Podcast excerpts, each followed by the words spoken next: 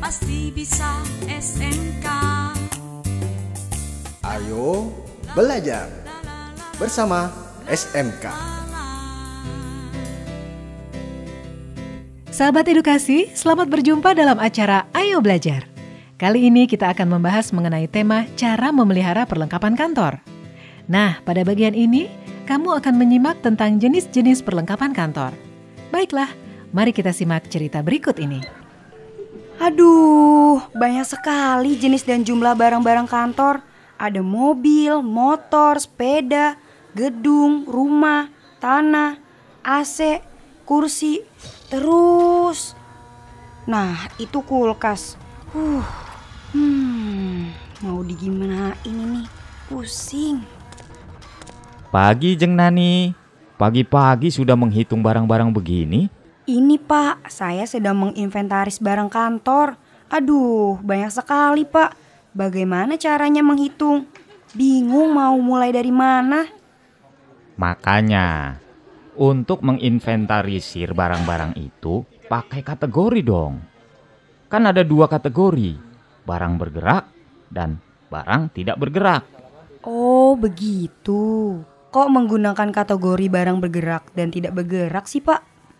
Iya, kamu bagi jadi dua kategori saja. Seperti itu agar tidak bingung dalam pengelompokan barang-barangnya.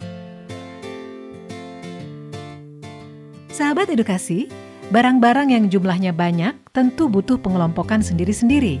Hal ini bisa menghindari kebingungan dalam mencari barang yang akan kita cari.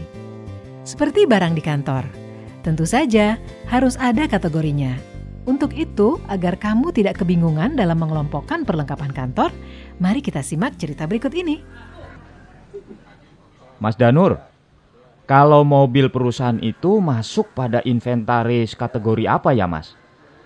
Mau saya data untuk laporan soalnya. Kalau mobil dan motor, inventaris yang ada di kantor, masuknya barang bergerak. Artinya barang bergerak itu seperti apa ya, Mas? Apakah dia bisa bergerak maju, mundur begitu, Mas? Barang bergerak itu artinya barang tersebut bisa berpindah tempat atau bergerak dari satu tempat ke tempat yang lainnya. Memangnya ada berapa jenis barang inventaris yang ada di perusahaan ini, Mas? Ya, lumayan banyak. Pada dasarnya perlengkapan kantor terbagi menjadi dua macam, yaitu barang bergerak dan barang tidak bergerak. Barang bergerak itu contohnya seperti apa, Mas?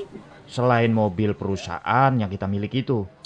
Sebenarnya barang bergerak itu terbagi lagi menjadi barang habis pakai dan barang tidak habis pakai. Oh, saya kalau barang habis pakai saya tahu, Mas. Seperti perlengkapan tulis menulis, ya tinta, kertas, lem, staples. Wah, banyak kan, Mas? Yup. Banyak banget dan kecil-kecil. Nah, kalau barang bergerak tidak habis pakai, apa? Ayo Ali. Coba deh. Mas ngetes kamu nih, eh? Waduh, apa ya? Saya kasih clue-nya nih. Barang bergerak tidak habis pakai itu tetap akan habis masa guna pakainya. Tapi agak lama atau dengan kata lain tidak sekali pakai langsung habis.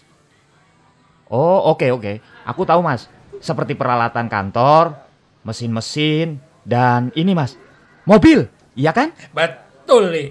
Pokoknya semua barang kantor yang bisa dipindah-pindahkan tapi masa pakainya lama bisa dikategorikan barang bergerak tidak habis pakai. Nah, seru bukan sahabat edukasi? Bagaimana? Bahwa pada dasarnya perlengkapan kantor terbagi menjadi dua macam, yaitu pertama, barang bergerak.